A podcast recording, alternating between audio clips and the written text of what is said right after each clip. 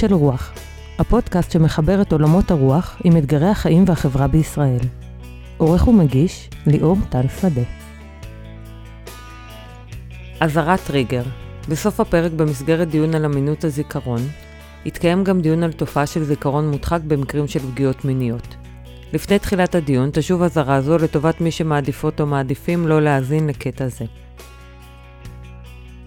האם ייתכן שאדם יספר על משהו שקרה לו, ידבר אמת, יגיד בדיוק את מה שהוא זוכר, חושב ומרגיש, אבל מה שהוא יגיד יהיה לא נכון? באיזו מידה הזיכרון שלנו יכול לתעתע בנו?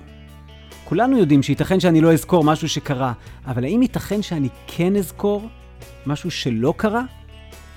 שלום לכם ולכן קולות של רוח הפרק ה-72, אנחנו בסדרה שנקראת למען האמת, ואנחנו היום בפרק אה, מטלטל אני חושב, אה, לפחות הוא טלטל אותי בשבועיים האחרונים כשקראתי עוד ועוד חומרים בנושא שעליו אנחנו הולכים לדבר, אה, בין היתר בשאלה שפתחתי בה, השאלה ששואלת, האם יכול להיות שאדם באמת בכנות רבה, הוא יגיד אמת, הוא יגיד בדיוק את מה שהוא זוכר, והוא זוכר דבר שלא היה. זאת שאלה שהיא בעלת השלכות אדירות על הזהות שלנו.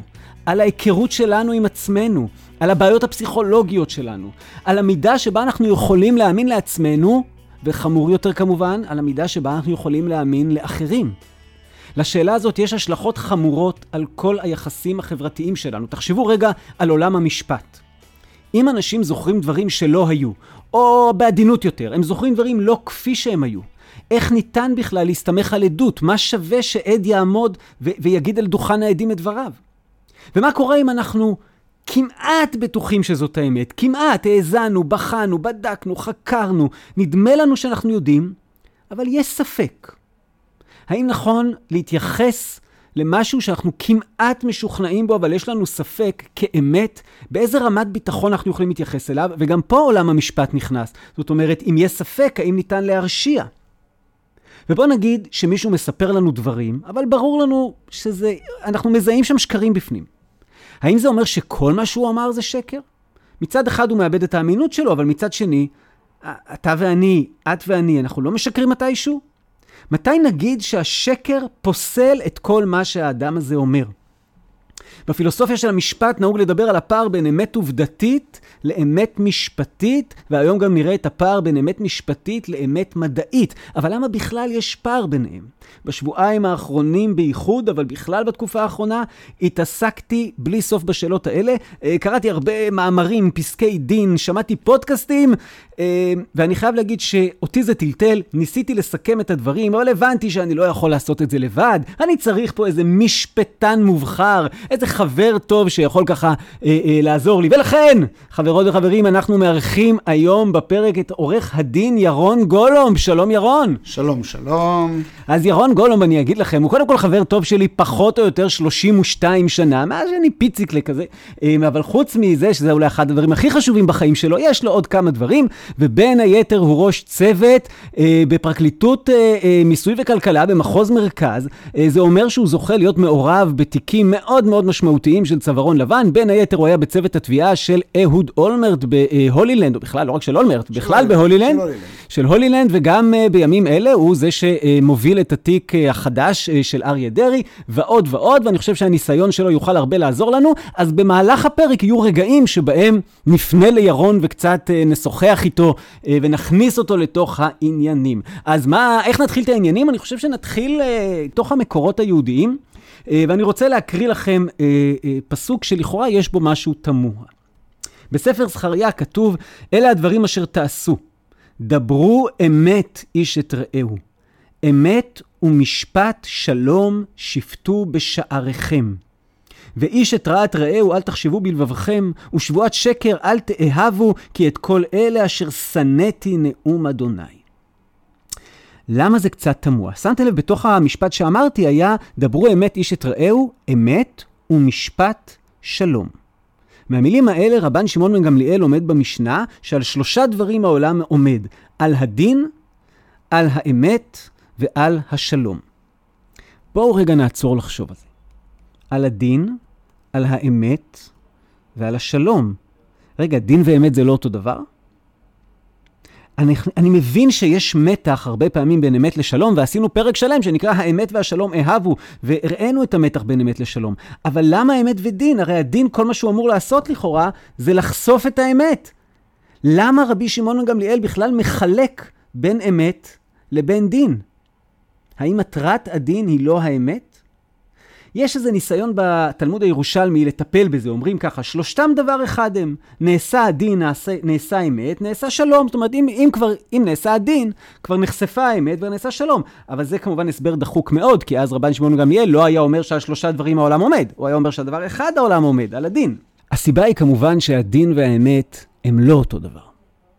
ואני רוצה רגע לנסות להדגים את זה במקרה אחד מתוך המשנה, ומשם ניגש למציאות של ימינו. יש אה, שורה של סיפורים על רבן גמליאל, שהיה נשיא הסנהדרין, ורבי יהושע, שהיה אחד מגדולי החכמים, אפשר להגיד סוג של נאמבר 2 של אה, אה, רבן גמליאל, ובאחד הסיפורים עליהם, הם רבו הרבה, אחד הסיפורים שלהם היה לגבי קביעת ראש חודש. עכשיו, לא ניכנס לזה, אה, זו סוגיה סבוכה, איך בדיוק היו קובעים את ראש חודש, לא היה אז לוח שנה ועקוב, והיה צריך עדים שמראים על מה מצב הלבנה וכאילו, ויש משנה שבה מסופר על עדים שהעדות שהם העידו היא לא הגיונית.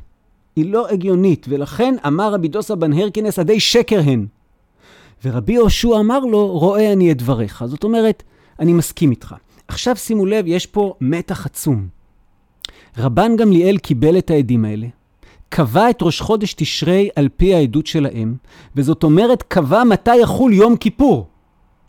רבי יהושע יודע שמדובר בידי שקר, שהם עשו טעות, ושיום כיפור הוא לא ביום שרבן גמליאל חושב. אבל רבן גמליאל הוא הנשיא, הוא אמור לקבוע עבור כולם. עכשיו אני מקריא לכם מה קרה. שלח לו רבן גמליאל, גוזרני עליך שתבוא אצלי במקלך ובמעותיך ביום הכיפורים שחל להיות בחשבונך. מדהים, רבן גמליאל מנסה להראות מנהיגות, והוא אומר לרבי יהושע, עכשיו אתה חייב לבוא אליי, תוך חילול היום, ביום כיפור לפי החשבון שלך, כדי שכולם יראו שיום כיפור הוא לפי החשבון שלי. אבל רבי יהושע יודע שזה לא נכון. רבי יהושע לא יודע מה לעשות, הוא יושב מדוכא, ורבי עקיבא מוצא אותו, יושב שם כזה בבאסה, ואומר לו, יש לי ללמוד שכל מה שעשה רבן גמליאל עשוי, שנאמר, אלה מועדי אדוני מקראי קודש, אשר תקראו אותם. בין בזמנן, בין שלא בזמנן, אין לי מועדות אלא אלו. מה הוא אומר לו בעצם רבי עקיבא? הוא אומר לו, תקשיב, הפסוק אומר, אלה מועדי אדוני אשר אתם תקראו אותם, אתם בני האדם. יכול להיות שהוא טעה מבחינת לוח השנה, אבל החוק אומר שרבן גמליאל קובע, וזה לא משנה אם הוא טעה, בין בזמנן בין שלא בזמנן, רבן גמליאל קובע. אז אם רבן גמליאל קבע שיום כיפור זה ביום רביעי, ואתה יודע שזה ביום שלישי, שכח ממה שאתה יודע. זה ביום רביעי. האמת המשפטית, האמת החוקית, מנצחת את האמת של הטבע, את האמת האובייקטיבית, את האמת המדעית, את האמת העובדתית שרבן גמליאל טעה. אחרי זה מנחם אותו בדרך דומה עוד מישהו, ובסופו של דבר רבי יהושע נטל מקלו ומעותיו בידו, והלך ליבנה אצל רבן גמליאל ביום שחל יום הכיפורים להיות בחשבונו. עמד רבן גמליאל ונשקו על ראשו. אמר לו, בוא בשלום רבי ותלמידי. רבי בחוכמה ותלמידי שקיבלת את דבריי. אז פה זה נגמר מקסים ומאוד יפה, והוא אומר לו, אתה אה, אה, קיבלת את דבריי ולכן אתה תלמידי, אבל זה ודאי שאתה רבי בחוכמה וכאלה. אני אספר לכם שיש סיפורים אחרים ביניהם שנגמרים אחרת, עד כדי שזה מגיע להדחת רבן גמליאל בשלב מסוים, יש ביניהם ריב נוראי, אבל זה לא הנושא שלנו עכשיו. מה שקרה פה זה שבעצם הוחלט, מי שיקבע זה עולם המשפט. ולא המציאות האובייקטיבית העובדתית. האמת המשפטית מנצחת את האמת העובדתית. עכשיו השאלה זה אם זה קורה עדיין במשפט היום ואיפה זה קורה במשפט היום. אז בואו נכניס פנימה את ידידנו ירון ונשאל אותו. ירון, אנחנו דיברנו לפני זה על זה שקורים כל מיני מקרים אה, שבהם למשל יש אה, ראיות, ואתה אומר, אני יודע את האמת, אבל אי אפשר להגיש את הראייה לבית משפט, ואז עוד פעם, האמת המשפטית שונה מהאמת העובדתית. קודם כל, אני חושב שזה מתחיל אה, בכלל בהסתכלות על המשפט. כתובע, כשאתה בוחן ראיות, אז זה לא משנה אם אתה מרגיש שהוא עשה את זה, שהוא עבר את העבירה. מרגיש שזה לא מספיק. או אפילו אתה יודע את זה, אם זה באיזשהו מידע מודיעיני כזה או אחר, גם כן לא יודע, אבל בהחלט אה, יש לך ראיות שאתה לא יכול להגיש אותן ונדבר על זה. מה שחשוב זה איזו ראיות יוגשו בסופו לבית המשפט. זאת אומרת, רגע, אתה אומר לי ככה, נגיד אני בסבירות גבוהה מאוד מאוד יודע את העובדות כי יש לי מידע מודיעיני, וזה מידע מודיעיני שאסור להעלות אותו על דוכן העדים, אז פשוט יכול להיות שהתוצאה המשפטית תהיה הפוכה למה שאני יודע, כי טכנית אני לא יכול להשתמש בראייה. כן, ודאי.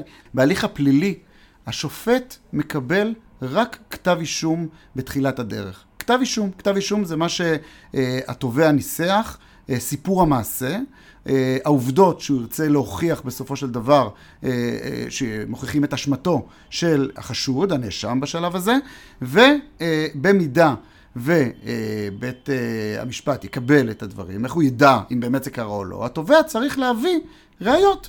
ראיות. ואיך הוא יביא את הראיות האלה? אז הראיות צריכות, יש כללים.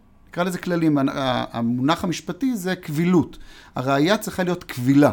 יכולה להיות, שאפשר להביא אותה לבית המשפט. אבל הקבילות שלה לא נובעת מעד כמה היא אמיתית, היא נובעת מדברים אחרים. בוא, נגיד אני עכשיו, אה, אה, אה, בלי שאתה תראה, אני עכשיו שוטר, ובלי שתראה אני מחטט לך בטלפון, ואני מוצא שם ראייה ברורה וברור לגמרי, הנה, זהו, שחור על גבי לבן אתה אשם.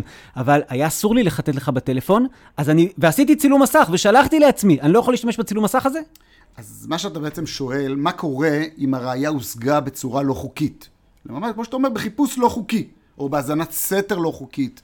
אה, האם העובדה שהמקור לראייה הוא לא חוקי, האם זה יפסול את הראייה?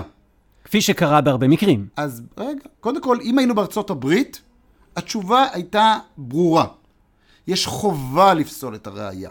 פירות העץ המורעל. יפה. זאת אומרת, אם יש ראייה שהושגה בדרך לא חוקית, העץ הזה רעיל, אסור לאכול מפירותיו, עד כדי... מצבי קיצון. בארצות הברית זה מגיע ממש למצב קיצון, שאם למשל היה חיפוש לא חוקי ברכב ונמצאה שם הגופה, אי אפשר להציג את הגופה כראיה. זה, ויח... זה תיאורטי או שזה לא קרה? לא תיאורטי, זה מעשי לגמרי, זה קרה. זה קרה לגמרי בארצות הברית. עכשיו, למה זה קורה? אז זה יכול להיות אה, אה, מסיבות חינוכיות. זאת אומרת, ל, ל, לפעם הבאה שאותו, אה, אה, שאותו אה, אה, שוטר, או בכלל המשטרה, ידעו דעו לכם שראיות ייפסלו לפעם הבאה, כי מה חשוב? חשוב הזכויות, זכויות של אותו פרט, של אותו חשוד. אתה אומר פה שני דברים. אתה אומר, אחד, יש פה איזון בין הרצון להגיע לאמת לבין הזכויות של החשוד, אבל אתה גם אומר, תקשיבו, פעם אחת, פעם אחת נשתמש בראייה שהושגה בדרך לא חוקית, זהו, פרצנו. הם עכשיו יבינו, אה, יופי, החוק זה כאילו, זה לא צריך יותר מדי להתחשב בזה, וישתמשו בשיטה הזאת. רק שמה שקורה בסוף זה שהאדם הולך הביתה כשהוא רוצח. כן, נכון, זה הצד השני של המטבע.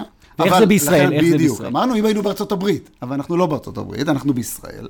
אז בישראל, הפסיקה קובעת חד וחלק שפרי העץ המורעל לא חל בישראל. אבל מה כן? אז באמצע שנות התשעים, יש חייל אחד שאירוע שקרה לו השפיע אה, בהמשך בצורה מאוד משמעותית על אה, אה, דיני המשפט במדינת ישראל. אל תגיד לי שאתה מדבר על יששכרוב. אכן אני מדבר על טוראי יששכרוב. מה קרה שם? טוראי יששכרוב באמצע שנות התשעים נתפס עם אה, מנת סם. לקח אותו חוקר, בלי להגיד לו את זכויותיו, אה, ל, בכלל לשמור על זכויות שתיקה, אבל גם לא על זכויותיו להיוועץ עם עורך דין, וחקר אותו. סיפר יששכרוב לפי תומו, לא רק פעם אחת השתמשתי, השתמשתי עוד הרבה הרבה פעמים. הגישו כתב אישום על הרבה הרבה פעמים, לא על הפעם האחת הזאתי. בית המשפט אה, הרשיע אותו על הרבה הרבה פעמים.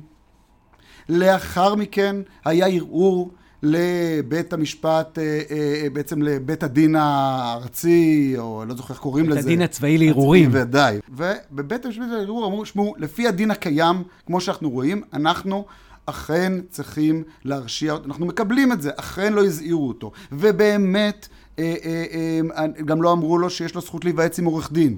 אבל יחד עם זאת, אין פרי העץ המורעל. ההודעה שלו שנוצרה מה, מה, מהפעולה הלא חוקית, נקרא לזה ככה, אני בכלל מקצין את זה, התוצר, הפרי, הוא פרי, הוא פרי מותר. אז מה שונה יששכרוב ממקרים אחרים שדווקא את המקרה הזה אנחנו מעלים? או, כי בא בית הדין לערעורים ואמר שאנחנו מבקשים להעלות את זה לבית המשפט העליון. כי יש אפשרות לערער על בית הדין לערעורים על ידי בית המשפט העליון. ואכן היה דיון שהחל, לא סתם אמרתי באמצע שנות ה-90, אבל זה התחיל שמה, התגלגל. בשנת 2000 גם הצטרפו אה, אה, הסנגוריה הציבורית. כידידי בית המשפט, ואני מספר את זה כאנקדוטה, כי אני אז הייתי uh, מתמחה בסנגוריה הציבורית, ועזרתי לכתוב את עמדת uh, הסנגוריה הציבורית בעניין הזה. ואז בעצם עלתה השאלה, האם אפשר לפסול, האם ניתן לפסול ראייה שהושגה uh, בעצם בצורה לא חוקית? ובית המשפט בשנת 2006, תראו כמה זמן לקח עד שבית המשפט ישב וכתב והתייחס להכל, ובית המשפט קובע, עדיין חוזר על העובדה, אנחנו, אין לנו את פרי, פרי העץ המורל. כלומר, לא חייבים לפסול ראייה, כמו בארצות הברית. ארצות הברית חייבים, אלא אם כן יש כמה אה, אה, אה, יוצאים מן הכלל מעטים. פה בישראל מאפשרים לפסול ראייה. וזה קרה, קרה מדי פעם. זאת אומרת, שיקול דעת של השופט לפי קריטריונים קבועים, או פשוט, אה, איך, אה, מה זה מאפשרים לפסול ראייה? בית המשפט קובע, אה, קבע אז כמה שלבים, איך בית המשפט בכלל יכול, אם, כשהוא רוצה להגיע לזה, איך הוא יכול לפסול את הראייה, ואיך הוא יגיע למצב הקיצון הזה של פסילת ראייה. ובאמת, בסופו של דבר, בעניין יששכרוב, הוא קובע שהוא פסל את הראייה, הוא פסל את, את שאר ההודעות שלו. אני, אגב, חושב... שהיה לו קל לעשות את זה, כי לא היה קורבן. אין בצד השני, זה היה עבירה של החזקת סם. כן, הוא לא פגע באף הוא אחד. הוא לא פגע באף אחד. היה פה בעצם אה, אה, החזקת סם, זה, זה, זה קל, זה, זה מקרה קל. זה מרתק שאתה אומר שזה כאילו היה קורבן. אני אגיד אה, אה, בסוגריים, שיש אה, סוגיה ביהדות שעוסקת במצווה הבאה בעבירה.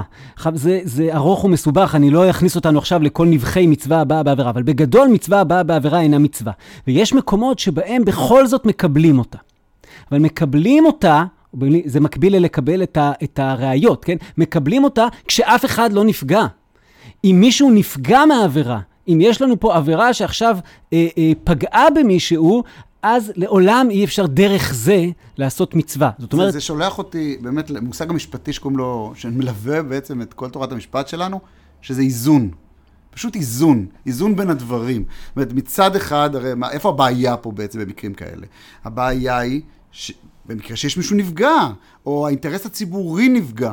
זאת אומרת, אם למשל במקרה של תיק רצח, או תיק אונס, שם נפסול על פעולה לא חוקית שעשה שוטר, לא במזיד, או לא בכוונה, אלא בפעולה לא חוקית. זאת אומרת, ש... לוקחים הרבה מאוד שיקולים, אבל, אבל בזה צריך להגיד שהסיפור של הגעה לחקר האמת, מה באמת היה, זה לא השיקול היחיד. מאזנים את השיקול של האמת העובדתית עם הרבה דברים אחרים, ולכן פעמים רבות האמת המשפטית לא תהיה האמת העובדתית. עכשיו היה לנו את הסיפור של אה, אוריך ועוד כמה אנשים שם, נכון? עם האזנה לטלפונים, שזה סיפור שאני מבין שאתה לא יכול לדבר עליו יותר מדי, כי הוא עדיין מתנהל לו, אבל כששם פסק בית המשפט העליון ממש לפני חודש, אה, אגב, אה, שני שופטים שם הביאו את מצווה הבאה בעבירה, לשמחתי גם אחד השופטים, השופט מלצר, הפנה למאמר שכתבתי בנושא הזה.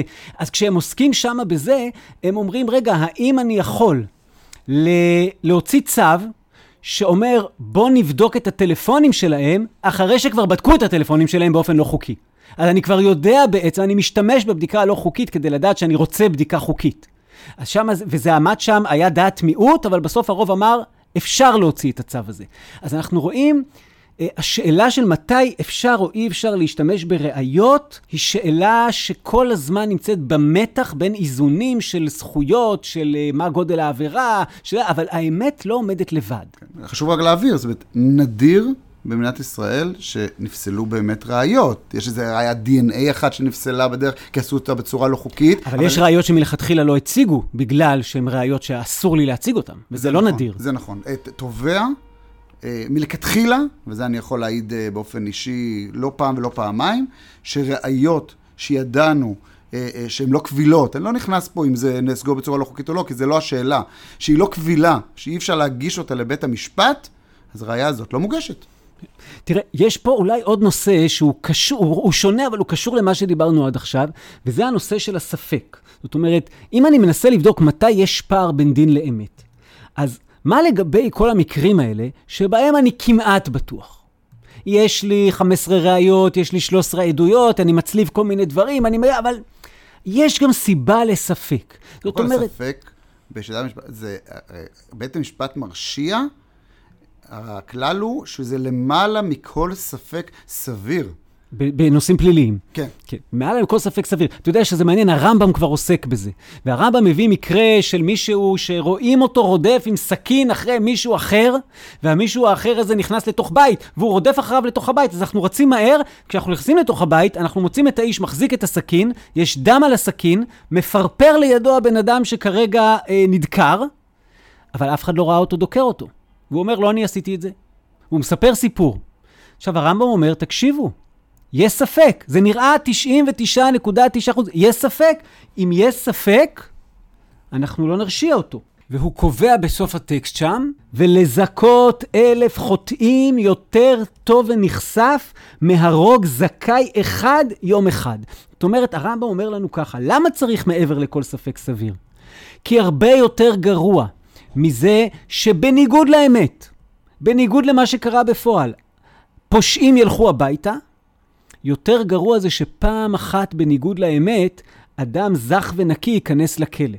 ואנחנו יודעים שהרבה מאוד פעמים בהיסטוריה, אנשים זכים ונקיים נכנסו לכלא, והם פשוט אה, הואשמו בטעות.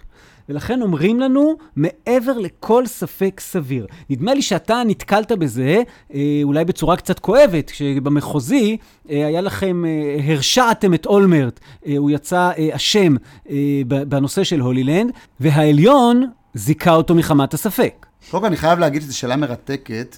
אתה יודע, פספסת את המילה הזאת, סביר. מהי אותו ספק סביר? מה, מה זה סביר? בעיני אחד זה סביר, הספק הזה, בעיני אחר זה לא. אבל אה, האם זה ראייה של שופט, מה זה סביר ומה זה לא סביר? יש איזשהו ספק. זאת אומרת, אומרים, הרי זה הכלל. זאת אומרת, אם יש ספק שהוא לא סביר, אז צריך להרשיע. זאת אומרת, יכול להיות איזה ספקונצ'יק קטנצ'יק שאנחנו נגדיר אותו כלא סביר. איזה סיפור, איזה, איזה סנאריום אחר. סנאריום לסיפור שיכולים להגיד, זה גם אפשרי. כמו למשל, פתאום ירד אה, אה, חוצן אה, אה, והוא עשה את העבירה. באמת, זה, זה, זה, זה, ספק, רגע, אבל בוא, לא סביר. אוקיי, בוא נשאל רגע שאלה כזאת. נגיד עכשיו, זה נראה לנו שאין ספק. עכשיו, גילינו שהעד המרכזי בפרשה שיקר כמה פעמים במהלך עדותו. אנחנו לא יודעים שהוא תמיד שיקר, הוא שיקר כמה פעמים במהלך עדותו. עצם זה שלפעמים הוא שיקר, זה מטיל ספק בכל העדות שלו, ולכן זורקים את כולה לפח, ואז בסוף כל זה יכול להצטבר לכדי ספק סביר? דיברת מקודם על uh, תיק הולילנד.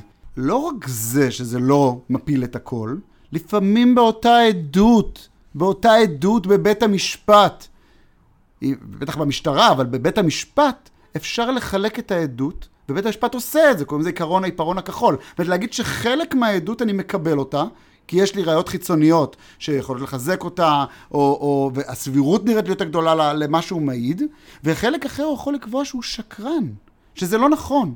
דוגמה מצוינת זה, זה דכנר, שמואל דכנר, בפסק דין, אה, זיכרונו לברכה, בפסק דין אה, הולילנד. שמואל דכנר, אני חייב להגיד שזה אחד העדים הכי מדהימים שנתקלתי בהם בימי חיי. שמסיבה לא ברורה, הספר שלו מונח במשרדך ככה על המדף. אה, כן, קיבלתי את זה מתנה ממנו. שמואל דכנר, באמת בן אדם מבריק, גאון. הלוואי בגילו, אה, לדעתי הוא נפטר בגיל 74, משהו כזה, הלוואי בגילו עשירית מהצלילות ומהחוכמה שהיה לבן אדם הזה. אבל הבן אדם הזה העיד על עצמו שכל חייו הוא התנהל בשקר. שקר אחד גדול. הוא העיד על עצמו, וגם בית המשפט, ב, אה, אני חייב להגיד, נתחיל במחוזי, השופט רוזן, התייחס לזה ויש לו בעיה. כי במהלך המשפט, הסנגורים אכן הוכיחו שהעד הזה הוא שקרן, והוא שיקר. עכשיו, אני חייב להגיד שגם אנחנו, כשיצאנו לדרך עם העד הזה, ידענו שלא רק שהוא שקרן והיה שקרן, אלא יהיה גם במהלך החקירה של התיק הזה הוא שיקר. שזו דוגמה מצוינת, היה לו יומנים שהוא ישב וכתב, ובחלק מהיומנים גילינו שלא יכול להיות שזה נכתב בזמן אמת, הוא הביא לנו את היומנים האלה, זמן אמת. הוא ממש זייף את היומנים. זייף את היומנים לטובת ההליך. וזה עד מדינה באחד המשפטים החשובים שמתנהלים. ולכן בנאום הפתיחה של המשפט הזה, הודענו שאנחנו לא נשתמש ביומנים האלה בכלל, לא לטובתנו, ששם יש דברים שברורים מאליהם, שזה ראיות מעולות. לא לטובתנו, לא לרעתנו, כי אנחנו לא משתמשים בזה, אבל אנחנו לא, לא פה בדיון על תיק הולילנד, אז רק נאמר שבסופו של דבר בית המשפט קובע שמדובר באדם שקרן. המשפט המחוזי קובע שבן אדם שקרן. ובעיה נוספת, לבן אדם השקרן הזה, שמצאנו שכמה מקומות שהוא שיקר, גם במשפט הזה, יש חלק מהנאשמים שבכלל לא חקרו אותו חקירה נגדית. אבל אז בית המשפט המחוזי קובע שזה נכון שהוא נכלולי והוא אה, אה, שיקר והוא נתפס, אבל בית המשפט נותן, השופט רוזט נתן שלל ראיות שהוכיחו שמה שהוא אומר זה נכון, עם ראיות חיצוניות, ולכן הוא אומר, אני הולך עם העד הזה יד ביד, אבל רק במקום שיש ראיות חיצוניות שהן מחזקות את מה שהוא אומר.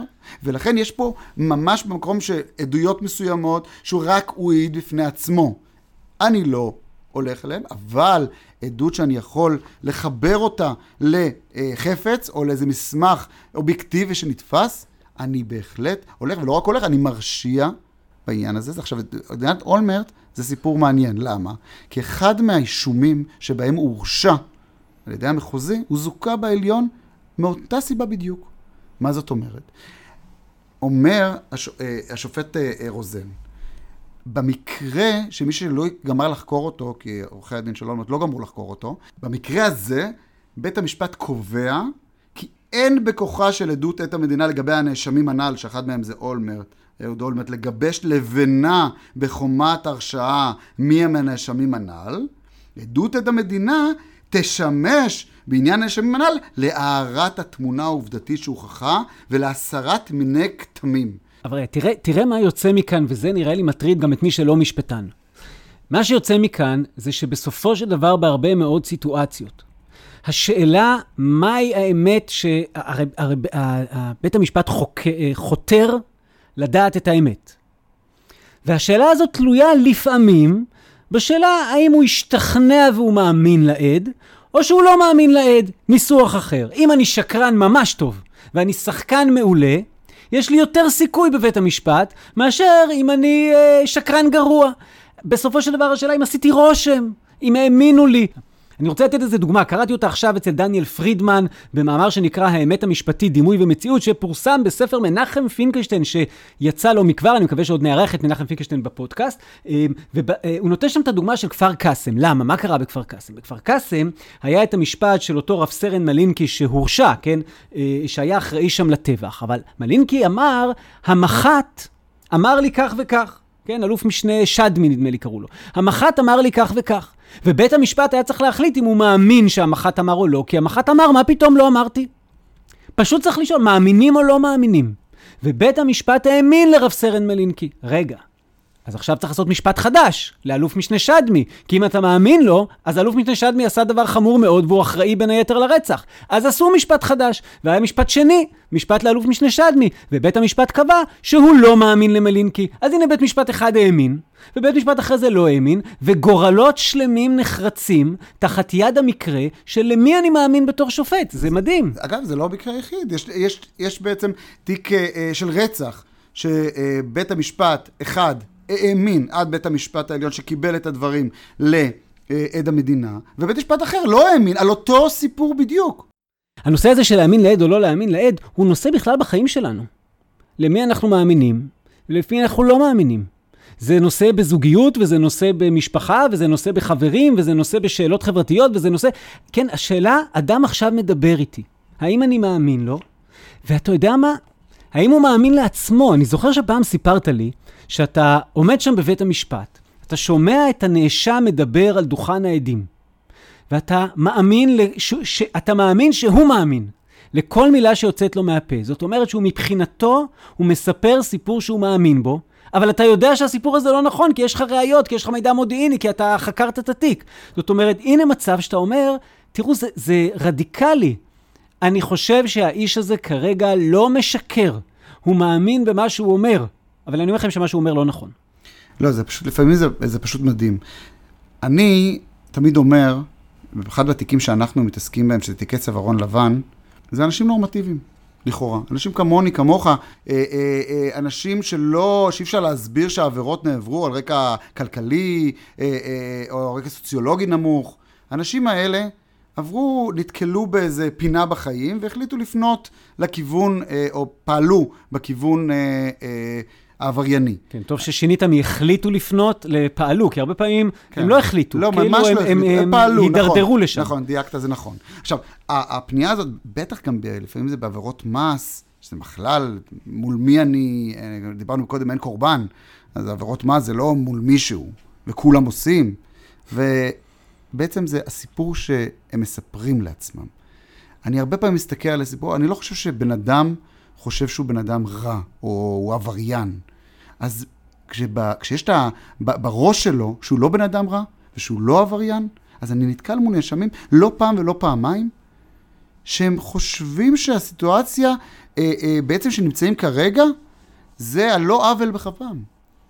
זה בגלל שהפרקליטות רדפה אחריהם, בגלל שאיזה מישהו אה, אה, אה, רצה, למשל ראשי העיר, נתקלתי לא פעם ולא פעמיים, יש אנשים שרוצים להדיח אותי, והם אלה שהובילו את כל האירוע הזה. ואז מגיעים לעבירה עצמה, למקום עצמו, וכמו שאתה אמרת מקודם, אני רואה לפעמים בבית המשפט, שאני חוקר את הנאשם, אני עומד מולו, והוא עומד ומשקר לי בפנים. אז נכון, יכול להיות מצד אחד, כי אין לו ברירה, הוא צריך לשקר, כי הוא לא מודה.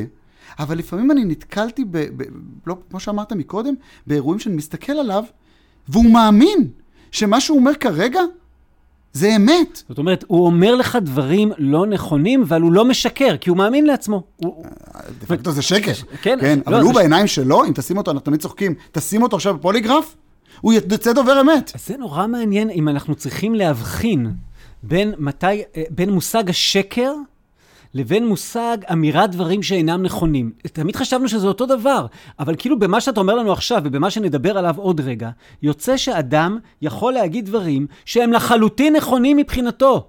אפילו לא רשלנות, זה לא שהוא לא בדק את זה. הם לחלוטין, זה מה שהוא יודע לספר לנו. עכשיו, הדברים שהוא מספר לנו הם לא נכונים, אבל הוא כל כך השתכנע בסיפור של עצמו, שהוא כבר לא מסוגל לזכור או לדעת שזה לא הסיפור האמיתי. תראה, אני מכוון למקומות שנמצאים במחקר בעשרות השנים האחרונות, אבל בעוצמה רבה יותר בשנים האחרונות, שהם מקומות שאותי ממש טלטלו כשנחשפתי אליהם. וזה המקומות שבהם אנחנו מדברים על אנשים שזוכרים דברים שלאו דווקא התרחשו. אה, אני, אולי אני אקריא קטע קצר של מאיר שלו, ככה, קטע ספרותי חביב כדי להיכנס לזה, שזה קטע שגם מצטט השופט תמיד בפסק דין שעוד נדבר עליו. הזיכרון האנושי מתעורר וכבה כחפצו. הוא מעמעם ומחדד מעשים, מגדיל ומקטין את עושיהם. ברצותו ישפיל וברצותו ירומם. כשקוראים לו הוא מתחמק, ובשובו יצוץ בזמן ובמקום שנוחים לו. סיפורים מתערבים זה בזה, עובדות מצמיחות ייחורים. המצבים, המילים והריחות, אוי, הריחות העצורים בו, מושלכים במחסניו באי סדר גמור ונפלא. לא בסדר כרונולוגי, לא לפי גודל או חשיבות, ואף לא לפי האלף-בית. מאיר שלו בתוך הדבר היה ככה, עמוד 151. מה אומר פה מאיר שלו? הוא אומר, חברים, הזיכרון האנושי, שהוא דבר מופלא, הוא לא דבר שאפשר לסמוך עליו. אני אספר לכם, לא מזמן אה, היה יום הולדת 80 לאבא שלי. לקראת יום הולדת 80 החלטתי לעשות לו איזה חידון על uh, תולדות חייו, ולקראת החידון עשיתי תחקיר. אז בתחקיר, בין היתר, על סיפורים מסוימים ששמעתי בילדותי, ושאלתי אנשים שהכירו אותו אז, בעיקר את האחים שלו, אחיו הגדול ואחיו הקטן. וכמעט מכל דבר יצאתי עם שני סיפורים או שלושה סיפורים שונים לגמרי. ואחרי זה במסיבה עצמה אימתנו את הסיפורים. ויושבים שם שני אנשים אחד ליד השני, ואני לא מדבר על סיפורים קטנים. נגיד סיפור טראומטי שבו אבא שלי נפצע. אבא שלי הולך עם סיפור אחר לחלוטין ממה שאחיו הולך, והם עומדים שם ומתווכחים, ואתה אומר, רגע, אם הסיפור הזה היה עכשיו בבית משפט, אבל עזוב, כאילו, למי להאמין? מה קורה כאן? אני הרי מאמין לשניהם, ושניהם מאמינים לעצמם. הזיכרון מתעתע בהם. לא, פה יש גם את העניין של חלוף הזמן, לא? פה יש עניין של חלוף הזמן, אבל בהרבה מאוד מקרים אנחנו מדברים, א', גם במשפט, על, נכון, על מקרים נכון, שחלף נכון. הרבה זמן, אבל אנחנו מדברים בחיי היומיום שלנו, אה, משהו שקרה לפני שבע שנים, אתה יודע מה? אתה אומר חלוף הזמן, אני אתן לך מחקר שנעשה. נפלו התאומים. אחרי שנפלו התאומים, שאלו קבוצה גדולה של אנשים במסגרת מחקר, אה, תספר לי איפה היית כשנפלו התאומים, אה, ומה הדבר הראשון שעשית ולמי סיפרת. טוב, אז הם, אה, הם מספרים כל אחד את הסיפור שלו ומבקשים מהם לכתוב את זה בכתב ידם. עוברת שנה, חוזרים לאותם אנשים בדיוק, ושואלים אותם בדיוק את אותם שאלות באותו ניסוח, איפה היית? באיפה היית? כולם כותבים את מה שהם כתבו לפני שנה. רק שנה עברה. מקרה טראומטי. עכשיו שואלים, אוקיי, ומה עשית, ולמי סיפרת, ומה היו המעשים שלך אחרי? פתאום חלק מהאנשים זוכרים משהו אחר. מביאים להם את מה שהם כתבו לפני שנה, ואומרים אבל תסתכל, לפני שנה כתבת ככה. הוא אומר, אה, מישהו פה זייף את הכתב יד שלי, זה לא יכול להיות. אני לא עשיתי, אני, זה לא מה שעשיתי, אני זוכר אחרת. מה קרה? במהלך השנה הוא סיפר את הסיפור כמה פעמים. כל פעם השתנה לו משהו קטן בסיפור, והוא זוכר ומאמין לסיפור האחרון שהוא סיפר. מה בעצם קרה כאן בסיפור של התאומים? ועוד מעט נציג עוד שורה ארוכה של מחקרים כאלה. מה שקורה זה שיש לנו, אחרי זמן קצר, אגב, חזרו אלינו גם אחרי עשר שנים, ובכלל התוצאות היו מדהימות, יש לנו זיכרון שגוי. אנחנו זוכרים משהו שקרה והוא לא קרה. או אנחנו זוכרים משהו והוא קרה אחרת לגמרי ממה שאנחנו זוכרים. בנקודה הזאת אולי צריך בעצם להפריד בין שלושה סוגים של זיכרונות שווא, של זיכרונות שגויים, כוזבים, מסולפים. יש זיכרון שווא שנובע מכל מיני גורמים פנימיים. הזיכרון שלי, כמו בסיפור שעכשיו סיפרנו, לא יודע, אני, אני זכרתי משהו בערך, אז כבר השלמתי פרטים. עכשיו, אני לא יודע שהשלמתי פרטים. הזיכרון משלים לי פרטים. או סיפרתי משהו ואני מתחיל להאמין בסיפור של עצמי, זה נקרא הקשחת הזיכרון. יש גם אה, סוג אחר, זיכרון משוחזר, זיכרון מובנה, recovered memory. זה הליך של היזכרות ושחזור הדרגתי. מכירים את זה שעושים את זה לפעמים לעד, עושים את זה הרבה פעמים בטיפול. אומרים, רגע, רגע, בוא ננסה להתחיל לבנות מחדש, אתה זוכר רק חלק, בוא ננסה לבנות מחדש את הזיכרון שלך. בתהליך של הזיכרון המשוחזר הרבה פעמים, חוזרים להם זיכרונות לא אמיתיים. ואולי הגרוע מכולם, המטלטל מכולם, זה שיש מה שנקרא implanted memories, זיכרונות מושתלים. זאת אומרת, צד שלישי יכול, במכוון או שלא במכוון, לשתול בנו זיכרון, להשתיל בתוכנו זיכרון, ואנחנו עכשיו נזכור את מה שהוא הכניס לנו פנימה. הרבה פעמים הוא עושה את זה אה, אה, בטעות, הרבה פעמים זה בגלל אה, אה, טיפול שהוא לא היה מספיק מקצועי, כל מיני שרלטנים של קורה במזוזות, קורה בזה, קורה בזה, שאומרים לנו כל מיני דברים, ואנחנו מתחילים לזכור אותם. מי שהיא המובילה של התחום הזה בעולם, החוקרת הכי ידועה של זה, אה, והמאוד שנויה במחלוקת, זאת אליזבת לופטוס, שאני ממליץ לכולם, יש לה הרצאת TED, אפשר למצוא אותה ולהקשיב. אז אה, היא עשתה שורה ארוכה של מחקרים. בואו אני אספר לכם על אחד המחקרים הכי, שעשו את השינוי הכי גדול, זה ידוע בתור מחקר הקניון. במחקר הקניון, מה היא עשתה? היא אמרה, בוא נראה אם אני מצליחה להשתיל זיכרון. בשורה שורה של נחקרים, שמישהו שמאמינים לו, התבקש לספר להם שכשהם היו ילדים, הם הלכו לאיבוד בקניון. וזה היה קניון ענקי, ולא מצאו אותם, ובס... והיה צריך לקרוא למשטרה, ולא, סיפרו להם סיפור שלם של מה שקרה, סיפור שלא היה ולא נברא, ובסוף מצא אותם איש זקן, והאיש הזקן מצליח למצוא את ההורים, או את השוטר, והחזיר אותם, וכאלה. טוב, זה הסיפור לא היה ולא נברא. ו-75% מהאנשים אכן שמעו את הסיפור, טוב, לא זוכר. אבל 25% מהאנשים, כאשר נפגשו איתם כעבור מספר חודשים, זכרו שזה בדיוק מה שקרה להם כשהם היו ילדים, ואיזה טראומות נוצרו להם בגלל שזה מה שקרה, ואיזה חרדות יש להם בגלל מה שקרה, ואז ביקשו מהם פרטים והם התחילו לתאר, תשמע, אני זוכר את האיש הזקן הזה שאסף אותי, הוא נראה ככה וככה, והוא לקח אותי ביד הזאת והזאתי, ואני זוכר איך נראה הקניון, ועוד כל מיני פרטים שכמובן לא היו ולא נבראו, אבל האדם משוכנע לגמרי שזה מה שהיה. הוא זוכר את זה, והזיכרון הזה הושתל בו. In one project in the United States, information has been gathered on 300 innocent people. 300 defendants who were convicted of crimes they didn't do. They spent 10, 20, 30 years in prison for these crimes, and now DNA testing has proven that they're actually innocent.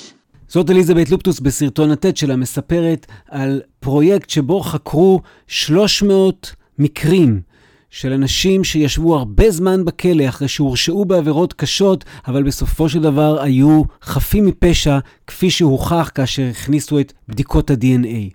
ואז היא אומרת, בדקו, מה גרם לזה שהם הואשמו מלכתחילה? And when those cases have been analyzed, three quarters of them are due to faulty memory, faulty eyewitness memory. Well, why? Like the jurors who convicted those innocent people, many people believe that, that memory works like a recording device. You just record the information, then you call it up and play it back when you want to answer questions or identify images. But decades of work in psychology has shown that this just isn't true. יש 300 מקרים של אנשים שישבו בכלא לעתים 10 ו-20 שנה, ואז במהפכת ה-DNA, בדיקות ה-DNA הוכיחו שהם היו חפים מפשע. ואז המחקר בדק את כל אחד מהמקרים האלה, והסתבר ששני שליש מהם הואשמו במקור בגלל עדות כוזבת, שככל הנראה העד לא שיקר, אלא היא נגרמה מזיכרון שגוי. יש מקרה שבו אה, בצבא האמריקאי אה, עושים מין אימון כזה של אה, מה קורה אם תיפול בשבי, ומתעללים מתעללים בך אה, חצי שעה אה, בצורה, אצלנו היו עושים את זה הרבה יותר, אבל מתעללים בך חצי שעה. אז המחקר, מה שהוא עשה, זה הם ניסו לשתול זיכרון אחר על מי היה החוקר. סתם דיברו אחרי זה עם אדם, אמרו לו, כן, היה לך את החוקר ההוא שככה וככה. והצליחו, לפעמים הבן אדם אחרי זה זיהה אדם אחר שהתאים לתיאור שהשתילו לו בזיכרון, אחרי שהוא היה חצי שעה מול אותו אדם. אבל שנתיים, שלוש אחרי זה, הוא מזהה אדם אחר בתור החוקר שלו. והדבר הזה נוסע גם בעניינים טראומטיים וגם בעניינים הרבה פחות טראומטיים. במילים אחרות, הראו לנו שאנשים הרבה פעמים זוכרים דברים בצורה שגויה. בין אם בגלל שמישהו השתיל להם זיכרון בטעות או בכוונה, ובין אם בגלל שהם עצמם עשו את, ה, את ההשלמות זיכרון, את ההקשחת זיכרון, את הטעויות האלה. אי אפשר, אי אפשר להבחן בעצם בין uh, מקרים, אני, אתה מטלטל בעצם במחקרים שאתה מספר כרגע, כי אני, בכל זאת, אני מעיד עדים uh, לא אחת ולא שתיים, והעדות שאנחנו מעידים אותה על בסיס מה שהם אמרו במשטרה. עכשיו, ודאי שבדרך כלל העדות במשטרה היא יותר קרובה לאירוע. והיום אנחנו, uh, כשאנחנו מעידים אותו uh, בבית המשפט, אז זה על בסיס בעצם מה שהוא אמר ב... במשטרה, אבל אנחנו לא מגישים לבית המשפט ההודעה שלו. אנחנו פשוט uh, נותנים לו, בוא תספר לבד. שלפעמים זה איזה 4-5 שנים אחרי שהוא אמר את זה במשטרה. והוא חשוף לעדות שלו במשטרה, הוא יכול כן, לקרוא אותה? כן, הוא קרא אוקיי. אותה לפני. אז זה סיפור. אחר, זה סיפור אבל, אחר. אבל בסדר, עדות של המשטרה זה אחד, אבל יש חקירה נגדית. חקירה נגדית היא לאו דווקא על מה שהיה כתוב במשטרה. כן, אבל תחשוב שואלים שגם אותו כשהוא... שאלות אחרות, שואלים שאלות שמשלימות. עכשיו, הרבה פעמים אה, תופסים אותו בשקר, שהוא אמר משהו, ואנחנו מנסים להסביר שבסדר, אני זוכר את עצמי לפחות פעם אחת אומר, טוען, שזה שהוא אמר ובאמת הוכיחו שזה לא נכון, אז הוא מספר משהו הגיוני שהוא היה מתנהג בסיטואציה הזאת. אבל, לגמרי, אבל, אבל, והוא באמת מאמין בזה, וזה מה שהוא זוכר, אבל מה הבעיה הגדולה? שאתה מנסה עכשיו להשתמש בזה לטובתך, אתה אומר, נו באמת, תפסתם אותו בשגר הקטן הזה, זה כי כל בן אדם יש לו, יש לו בלקאוטים בזיכרון, והוא השלים לעצמו. אבל אולי זה נכון גם על העדות שהוא העיד במשטרה, העדות המקורית. אולי חלקים גדולים מהדברים שהוא אמר לא קרו. לא, אולי אנחנו קורה- מדברים... זה קורה בדרך כלל שם, אבל הנה דוגמה אחרת שפתאום חשבתי עליה, זה דוחות פעולה של שוטרים. שוטר הרי עושה את אותה פעולה עוד הפעם ועוד הפעם ועוד הפעם. אז הרבה פעמים אה, כשביקשו לחקור את השוטר כמה שנים אחר כך, על בסיס אה, אה, אה, מה קרה באותו אירוע, אז אנחנו תמיד היינו חוזרים על אותו משפט, סליחה, זה לא מבחן זיכרון פה. הוא לא יכול לזכור כל אירוע ואירוע שהיה לו, ולכן הוא צריך להתבסס מה שהוא כתב באותו יום, באותו רגע שהוא ראה, הרגע זה קרה. הוא לא צריך לזכור, זה קרה הרגע. אז ברוב המוחלט של המקרים שאנחנו חווים אותם בחיים, אנחנו לא, ברגע שאנחנו מסיימים אירוע, רצים הביתה וכותבים אותו.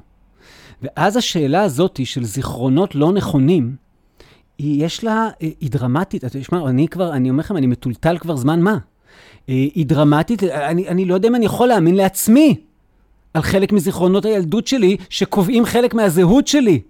אה, לופטוס עשתה מחקרים מטורפים, כן, היא השתילה, היא השתילה, לא יודע, למישהו ש, שמאכל מסוים גרם לו להיות מאוד חולה בילדותו, ואז אחרי זה, שבוע אחרי זה הוא יוצא לפיקניק והוא לא מוכן לאכול את המאכל הזה והוא מרגיש שהוא נגעל ממנו. היא גם עשתה הפוכים, כדי להראות שזה אפשרי גם בדברים טובים. זאת אומרת, על מאכל שמאוד מחזק ומאוד מבריא וכאלה, שגרם לו כשהוא היה ילד לצאת ממחלה קשה, ופתאום הבן אדם מתחיל לאכול את המאכל הזה, ו... הזיכרונות האלה שנכנסים לתוכנו, איפה זה, זה הכי מסובך אולי, והכי רגיש, והכי קשה לדבר על זה? אנחנו יודעים שיש אה, תופעה, או סליחה, יש מחלוקת האם יש תופעה, אבל יש טענה שיש תופעה של זיכרון מודחק. בדקות הקרובות יתקיים דיון הקשור בתופעת הזיכרון המודחק בפגיעות מיניות. הסיפור של זיכרון מודחק מגיע, אה, הוא יכול לקרות במספר אה, תחומים שקשורים בטראומה. אנחנו בדרך כלל מדברים עליו על אה, אה, נפגעים ונפגעות, וצריך להגיד, זה בעיקר נפגעות, אה, באזורים של פגיעה מינית. עכשיו, מה, מה זה הסיפור הזה של זיכרון מודחק? זיכרון מודחק זה כאשר קרה לי משהו בשנות בדרך כלל ילדותי או נעוריי. המשהו הזה היה כל כך קשה, שעל מנת שאני אוכל בכלל להמשיך להתמודד עם החיים, אני הדחקתי אותו וקברתי אותו באיזשהו מקום באופן לא מודע בכלל, ואני פשוט לא זוכר אותו. הוא מודחק אצלי.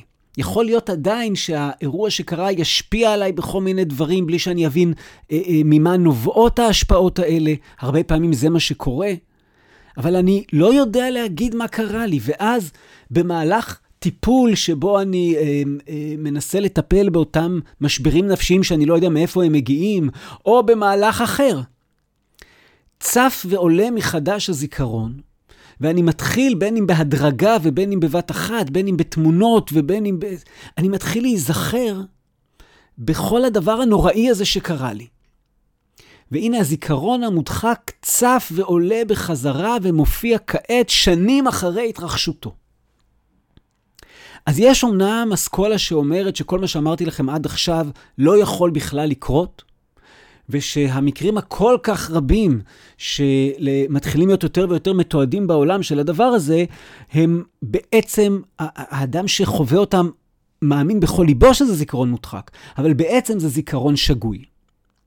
אני ממה שהצלחתי לחקור, לקרוא, לשמוע את הדעות השונות, אני, אני מאוד מתקשה לקבל את הטענה שיכול להיות שזה בכלל לא קיים. אני חושב שזו כמעט עובדה שיש מקרים של זיכרון מודחק, ושהמקרים האלה נפוצים במיוחד כאשר מדובר על טראומה מהאזור של הפגיעה המינית. אבל צריך גם להגיד שיש מקרים שבהם הזיכרון שצף ועולה חזרה, צף בצורה מאוד מאוד לא מדויקת.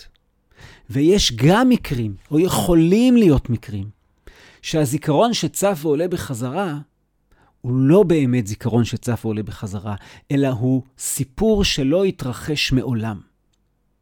עכשיו שימו לב, יש הבדל עצום בין האמירה, אני לא מאמין לנפגע או לנפגעת, שהיא אמירה לטעמי בדרך כלל חמורה מאוד מאוד, מעטים מאוד אה, אלה שישקרו בתחום הזה.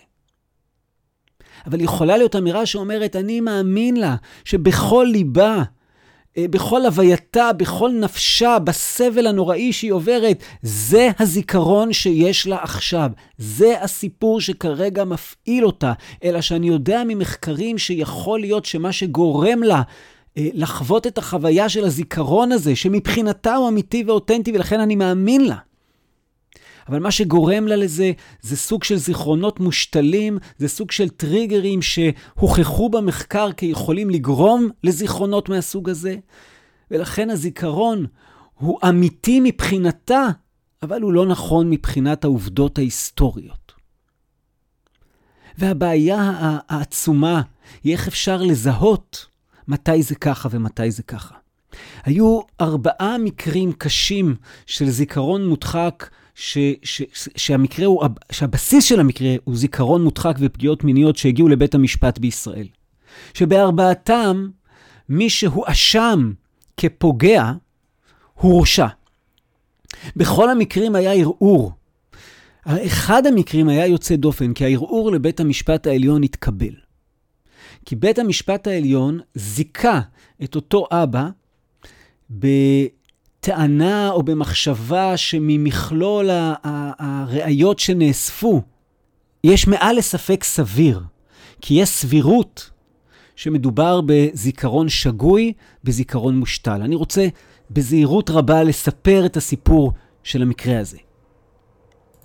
מדובר על מתלוננת בת 26, שבגיל 23 חזרו לה זיכרונות על כך שכאשר היא הייתה ילדה קטנה, אה, אבא שלה אנס אותה. למתלוננת הזאת אה, לא היו מצוקות נפשיות חריגות במיוחד עד גיל 18. בגיל 18 היא עברה ניסיון אונס אה, על ידי איזשהו מדריך, אה, מדריך במד"א או משהו כזה, והמדריך הזה היה חבר של אבא שלה. ומהיום של אותו ניסיון אונס, החלו להתפתח אצלה תופעות נפשיות קשות מאוד, כולל דיכאון, חרדה, הפרעות אכילה, הבזקים, קושי משמעותי בתפקוד, היא, היא עברה סיוט. במהלך הטיפולים שהיא עברה כדי להתמודד עם זה, היא שמה לב שאין לה, אין לה כל כך זיכרונות ילדות. המטפלים ניסו לסייע בידה להעלות זיכרונות מהילדות, כי חשבו אולי שם קבור הכלב, אולי שם נוכל לברר את כל התופעות האלה. ולא היו לה כל כך זיכרונות, והיא הלכה חוץ מלפסיכולוגים מקצועיים, היא גם הלכה לסוג של קורא במזוזה, רב כזה, שרלטן, ואותו רב אה, קרא לה במזוזה את האפשרות שהיא נפגעה מינית בילדותה על ידי אביה. ואחרי זה התחילו לצוף לה כל מיני זיכרונות על הפגיעה המינית. עכשיו, את הזיכרונות האלה היא מעלה בעוצמה, בכנות, בכאב רב. אוי לו למי שלא מאמין לה, במובן שזאת החוויה האמיתית שלה. אלא שבית המשפט הסתכל על זה, ולמד את כל המחקרים על זיכרונות מודחקים ועל זיכרונות אה, שגויים ועל ההשתלה של זיכרון, וגילה שיש פה הרבה מאוד נתונים שיכולים להעיד על מקרה שבו הזיכרון הוא זיכרון שגוי, ולמרות שהוא שגוי, הוא פועל עליה בצורה איומה וקשה מאוד, והיא לא משקרת בבית המשפט, היא אומרת את האמת שלה, והאמת שלה היא לא העובדות האמיתיות, או לפחות יש ספק סביר בנושא הזה. תראו כמה זה, כמה זה קשה. בתוך הסיכום של, של, של הפסק, אומר השופט עמית, כערכאת ערעור אמנם לא התרשמנו ישירות מהמתלוננת, אך מחומר הראיות עולה כי כל מי שבא עמה במגע ושמע את סיפורה התרשם מכנותה, מהשכנוע הפנימי העמוק בו נאמרו הדברים ומהסבל הממושך שחוותה. אך כפי שהוסבר לאל, לא שגיא בכך כדי להרשיע את המערער. הוא כותב אחרי זה שאם חלילה עשה המערער את המיוחס לו במתלוננת ביתו, הדבר, הדבר נותר בינו לבין קונו, ואת עונשו יקבל מידי שמיים ולא מידי אדם, ומזכה אותו מחמת הספק. אנחנו אומרים פה שעלינו להתמודד עם העובדה המטלטלת, שמה שאת ואתה זוכרים לגבי שורה ארוכה של אירועים בחיים שלנו, מה שאנחנו זוכרים הוא לאו דווקא מה שבאמת היה. יש פער בין שאלת האמת לבין שאלת הכנות שבה אני אומר את הדברים. נכון, יש אנשים שמשקרים, לא על זה כרגע אני מדבר. אלא אדם יכול להגיד דברים בכנות רבה, ובגלל שהוא מאמין בהם הוא גם יכול לחוות חוויות עוצמתיות מאוד. והדברים לא התרחשו מעולם, או התרחשו באופן שונה ממה שהוא זוכר. הידיעה וההבנה הזאתי, שיש לי פה עוד מלא מחקרים עליה, אבל אין לנו את הזמן עכשיו לספר אותם, הידיעה וההבנה הזאתי היא בעלת חשיבות והשלכות רבות מאוד לשורה של אה, תחומים בתוך החיים שלנו, ולכל השאלה שאנחנו עוסקים בה בסדרה הזאתי, שאלת האמת. אז מה אתה אומר לסיום, מר גולומב? קודם כל היה... תודה שהערכת אותי, היה מרתק. אפשר לדבר על זה עוד uh, שעות. אה, שאלות אה, למשל כמו, האם אה, שופט אחד מתוך שלושה מזכה, האם זה לא כבר ספק? ברגע שאחד מזכה, חושב שאין מספיק ראיות, האם זה לא הספק? מעבר לספק ספיר אפילו? יש שאלה אחת. ואני חושב שכל יום, כשאני מתנהלים פה בתיקים, צריך להבין, אנחנו, אנחנו יודעים שאנחנו עוסקים בדיני נפשות. היד שלנו באמת רועדת לפני שאנחנו חותמים על uh, כתב אישום. אנחנו לא באים ואומרים, בסדר, שבית המשפט, מקסימום הוא יזכה, זה לא אנחנו, זה הוא. ממש לא. יש פה דיונים ארוכים בראיות. תמיד מדברים על זה שיש אה, אחוז קטן של, הרשע, אה, של זיכויים במדינת ישראל. כי יש אחוז מאוד מאוד גדול של תיקים שנסגרים לפני שבכלל מגיעים לבית המשפט. כשאנחנו כבר מביאים תיק לבית המשפט, זה אחרי שאנחנו סבורים שיש אה, די ראיות על מנת להרשיע, ולא, כמו שאמרנו קודם, אנחנו יודעים שהוא עשה את זה. ברור לגמרי שהוא עשה את זה. אם אין די ראיות, אז אין אמת משפטית. תשמע, אתה ואני מכירים מגיל 13. אז אחרי ההקלטה הזאת ניקח לעצמנו איזושהי משימה ונתחיל להעלות זיכרונות מכל דברים שהראו לנו בין גיל 13 להיום. יש לי תחושה שאנחנו זוכרים אחרת חלק מהחיים המשותפים שלנו. טוב, זה בגלל הבעיה בזיכרון שלך. יכול להיות, אתה טוען את זה הרבה שנים. חברות וחברים, אה, תודה רבה לך, עורך דין ירון גולום, חברי היקר. תודה רבה לך. ותודה רבה לכן ולכן על ההאזנה, ואני מקווה שנתראה כמו תמיד בפרקים הבאים.